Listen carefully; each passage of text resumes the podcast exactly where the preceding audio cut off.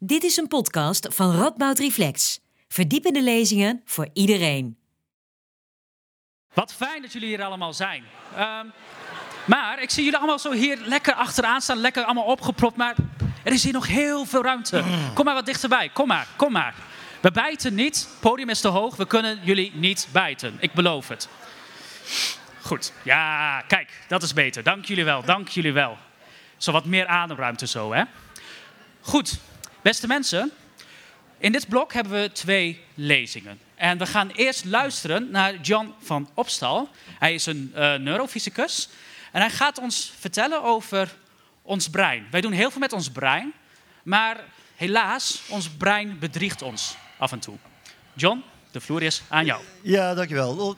Dat is, uh, dit is een uh, heel bijzondere gelegenheid voor mij. En ik geef wel vaker verhalen voor grote gezelschappen, maar dat zijn altijd wetenschappelijke congressen. En dit is echt een hele andere setting. Wauw, wauw, wauw. Ik ben er helemaal zenuwachtig van. Maar goed. Ja, ik ben John van Opstal, ik ben hoogleraar biofysica en ik, ik, wil jullie vertellen over, het, ja, over onze geluidswaarneming. En het gaat eigenlijk over het waarnemen van toonhoogte. Pitch, zoals dat heet in het Engels, wat ontzettend belangrijk is voor de waarneming van muziek en toonhoogte van man versus vrouw en meer van dat soort dingen. En ik ga jullie proberen uit te leggen hoe dat zou kunnen werken. En daarom wil ik jullie eerst vragen om eens even naar dit geluidje te luisteren. Als ik het kan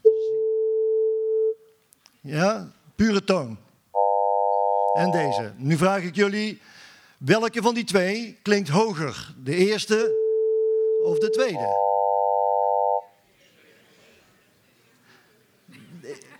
Ik hoor heel veel eerste, dat is goed. maar het is eigenlijk heel vreemd. Omdat als je gaat kijken wat, wat zit er in die geluiden, dan was dat eerste geluid dat is een toon van 440 hertz. Dat is dezelfde toon als die je hebt als je de A aanslaat op je stemvork. Terwijl het tweede geluid, dat bevat een aantal frequenties, namelijk 500, 600, 700, 800 en 900 hertz. Die zijn allemaal hoger. En toch horen we de eerste toon hoger dan die tweede. Vreemd. Wij denken vaak dat uh, waargenomen toonhoogte dat dat, uh, te maken heeft met de frequentie van het geluid. Dus als ik bijvoorbeeld de pure toon laat horen, deze 220 hertz, pure toon 330 hertz, dan zal iedereen zeggen die tweede die was echt hoger. Maar als ik nu de combinatie laat horen van die twee, 220 plus 330, dan horen we geen 550 overigens, maar dan horen we dit. En die klinkt ook echt lager dan deze. Dus het is blijkbaar niet zo simpel. De waargenomen toonhoogte van zo'n combinatietoon is in dit geval 110 hertz. Want hier horen we 110 hertz. Dit fenomeen wordt ook wel de missing fundamental genoemd, oftewel de ontbrekende grondtoon. En uh, ik wil even proberen te schetsen wat, wat er gebeurt. Dus wat wij aanbieden, dat zijn, waren deze twee frequenties, 220, 330 hertz. En wat we horen is 110 hertz. Dat heet in het Engels wetenschap missing fundamental. En de vraag is natuurlijk, halen onze hersenen hier een trucje uit? Uh, houden ze ons voor de gek? Wat is hier eigenlijk aan de hand? Daarvoor moeten we wel even heel kort weten hoe ons auditief systeem werkt. Nou, zoals jullie weten, geluid, dat zijn uh, trillingen die voortgebracht worden door, door de lucht. Uh, dat zijn eigenlijk gewoon snel veranderende luchtdruk, lucht, zijn snelle luchtdruksveranderingen. En die planten zich met ongeveer 340 meter per seconde voort. Die komen dan in ons oor aan, die brengen de, de, het uh, trommelvlies in trilling en vervolgens worden doorgegeven aan ons binnenoor. Nou, hier zien we een dwarsdoorsnede van dat binnenoor. En in dat binnenoor daar zitten haarcellen. En die haarcellen, ik heb ze hier maar even met een pijltje aangegeven, die bestaan uit twee klassen. Een binnenste haarcel en een buitenste haarcel. Drie buitenste haarcellen zelfs, per doorsnede. Nou, die binnenste haarcellen die zijn verbonden met onze auditieve zenuw. En die zien we hier mooi uit dat ding uitsteken. En die auditieve zenuw die transformeert dus de informatie onze hersenen in. En wat doet die zenuw? Nou, die zet trillingen van het zogenaamde basilaire membraan. En dat is dat, dat vlies hier waar al die cellen op rusten. Om in zogenaamde actiepotentialen, dat zijn elektrische pulsen. Een soort morsecode in de hersenen. Als je naar dat basilaire membraan kijkt, hier zien we een uh, animatie daarvan van hoe dat trilt als een geluid wordt aangeboden. En dan heb ik hier, dit is een animatie, die is niet real life, maar dat zijn twee tonen van 600 hertz en een van 6 kilohertz, 6000 hertz dus. En dan zie je dat wat er gebeurt op dat basilaire membraan, bij die 600 hertz ontstaat een trilling, die loopt eigenlijk uh, over dat hele membraan, maar die bereikt zijn maximum ergens achterin dat basilaire membraan. Terwijl die hoge toon, die 6 kilohertz, die trilt op een heel andere plek maximaal. Oké, dit is wat er gebeurt in het basleermembraan als we tonen aanbieden. Hier zie ik, hier laat ik even zien. Dit is ook een uh, soort uh, animatie, die kun je op, op YouTube kan je die, downloaden. Wat er gebeurt met dat basleermembraan, als je drie verschillende tonen aanbiedt, 110 hertz, dan is de trilling achterin. 660 hertz is die trilling ergens in het midden. En bij 4000 hertz of zo, dan is die trilling voorin in dat basilaire membraan.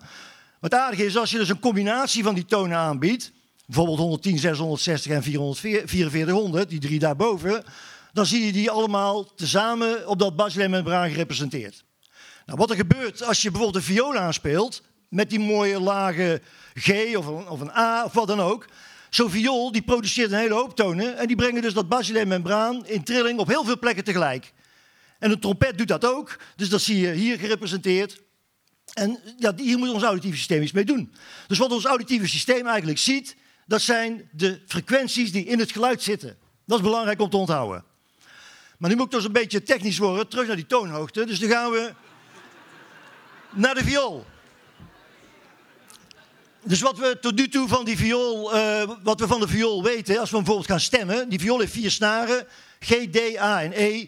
En wat wij altijd van die viool horen, van die snaren, dat is eigenlijk de grondtoon ervan. Dat zijn die G, D, A en E. Die grondtoon, die grondtoon is meestal de sterkste frequentie die voorkomt in de combinatie die zo'n viool produceert. Ik zal even een stukje viool laten horen. Dit zijn die vier snaren. G, D, dan komt de A. Die zal gelijk dit is de pure toon, dat was de viool A en dit is de, de E. Goed. Als je dus gaat meten welke frequenties zitten er nou allemaal in die A, als je die viool aantrilt, dan zijn dat allemaal deze frequenties. Daar zit die 440 hertz in, dat is die grondtoon. Maar heel veel boventonen. 880 hertz, 1320 hertz enzovoort. Wel 30. En die 30 die lopen heel, helemaal boven tot aan 13 kilohertz. Dus dat zit allemaal in die ene vioolsnaar van een A. Nou, als je naar het spectrum gaat kijken, want dat heet een spectrum, dit, dit, dit soort plaatjes van een trompet, dan ziet het er anders uit. Ook de trompet kan een A spelen en dan zit er ook de 440 hertz zit daarin en andere boventonen. Maar je ziet, dat stelsel van boventonen bij de trompet is heel anders dan van de viool. En daarom klinkt een trompet anders, maar hij klinkt niet hoger. Dat is het punt. Hij klinkt anders. Dus zijn klankkleur is anders en die wordt bepaald door al die boventonen. Maar wat je hoort als toonhoogte, dat wordt, ja, dat is het nu, waar wordt dat door bepaald? Is dat nou die grondtoon van 440 hertz of is het iets anders? Dus dat is waar we het nu even over gaan hebben. Is die grondtoon hetzelfde als de toonhoogte? En het is niet zo simpel. Dus komen we weer terug bij die missing fundamental. Dus ik laat jullie nu, want nu moet ik dus weer simuleren, want een viool nabouwen, dat is uh, in die computer niet zo makkelijk. Dus ik laat jullie weer wat tonen horen. Een grondtoon, 110 hertz. Komt die? Ja. Nu voeg ik 220 hertz toe.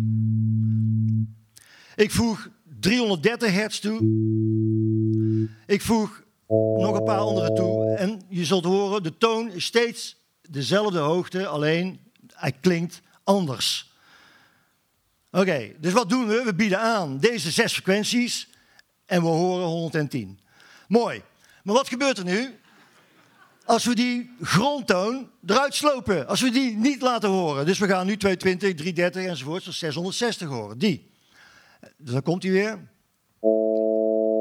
Wat wij horen is 110 hertz. Die horen wij. Dus dat is de missing fundamental. Komt hij weer.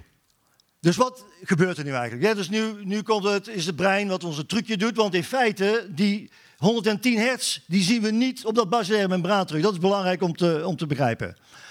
Maar wat zien we als we naar die, die zes frequenties kijken die erin staan? Ik heb hier, dat zijn allemaal sinusgolfjes, heet dat. Dat is eh, ook technisch woord, maar je ziet dat zijn die golfbewegingen van elke toon apart.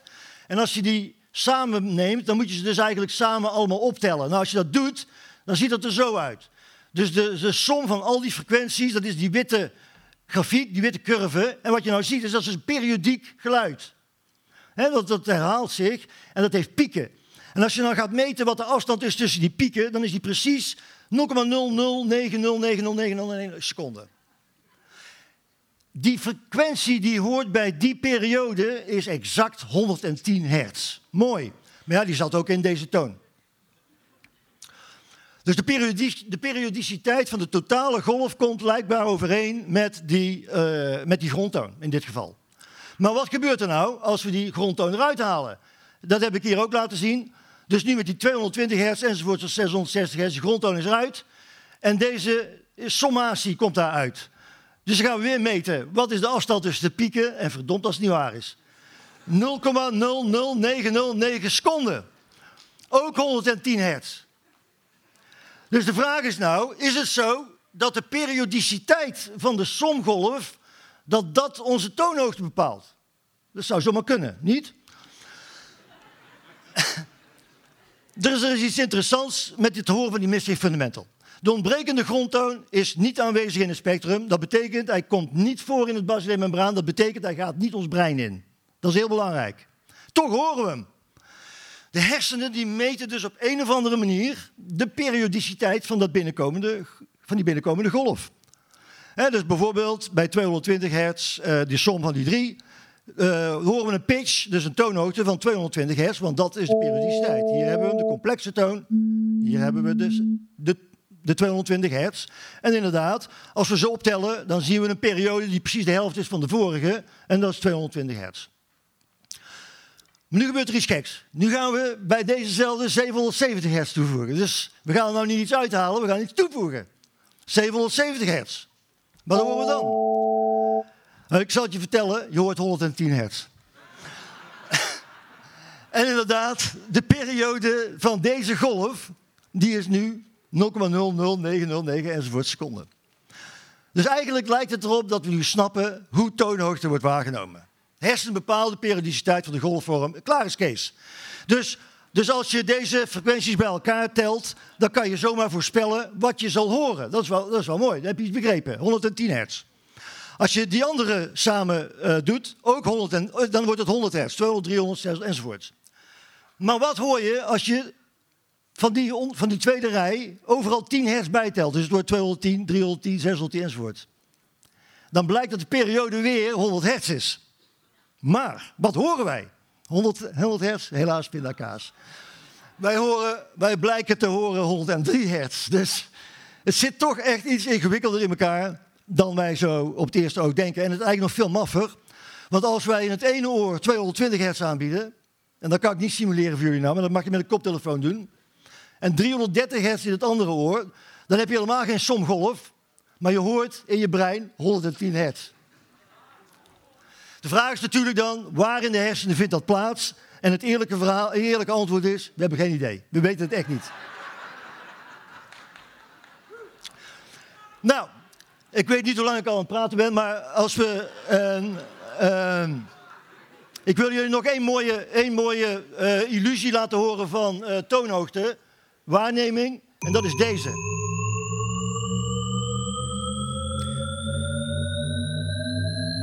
Als mensen er ziek van worden of gek, zou ik zeggen, ga alsjeblieft nu weg. Kan nog. Maar dit is een toon die blijft in je percept continu omhoog gaan. Die gaat nooit naar beneden, blijft alsmaar stijgen, stijgen, stijgen, stijgen, stijgen, stijgen, stijgen, stijgen. En dan gaat het door. En er zijn mensen die gebruiken dit om in slaap te vallen. Dat gaat de hele nacht. Nou, dit is dus eigenlijk dit is een illusie waarmee je dus speelt met die verschillende componenten op zo'n manier dat de, ja, dat de periodiciteit van het, eh, van het signaal als het ware heel systematisch verschuift en dan ga je weer iets doen enzovoort. Dus echt een hele slimme truc. En dit lijkt een beetje op dezelfde soort slimme truc als die Escher uithaalde met zijn visuele illusies. Die zie je hier, dit is de ascending en descending staircase. Waarbij het net is alsof je continu altijd alleen maar omhoog gaat. Iedereen weet, dat kan niet. Maar toch, als je naar die trap kijkt, dan gaat het altijd alleen maar omhoog. Of omlaag. Hangt er vanaf hoe je kijkt. Nou, dat laatste, dat geldt ook voor geluid. Je kunt het ook altijd omlaag laten gaan. En dat is de laatste die ik jullie wil laten horen. Dat is deze. En dan zit het erop. Met Escher op de achtergrond trouwens.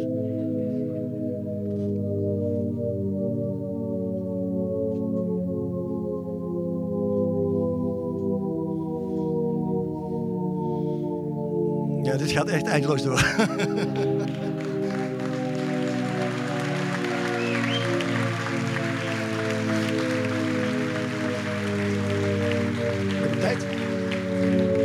Dankjewel, dankjewel John. Dus kennelijk onze hersenen nemen gewoon echt niet waar wat er nou echt gebeurt. Nou, heel erg bedankt, Jan. We gaan door naar het volgende deel van dit programma. We gaan uh, luisteren naar Walter van Zuikenkom. Hij is een meetkundig wiskundige. En hij laat ons horen, allereerst gaat hij ons laten horen hoe, uh, hoe geluid en ruimte op elkaar inwerken. Dus geef een hartelijk applaus voor de volgende.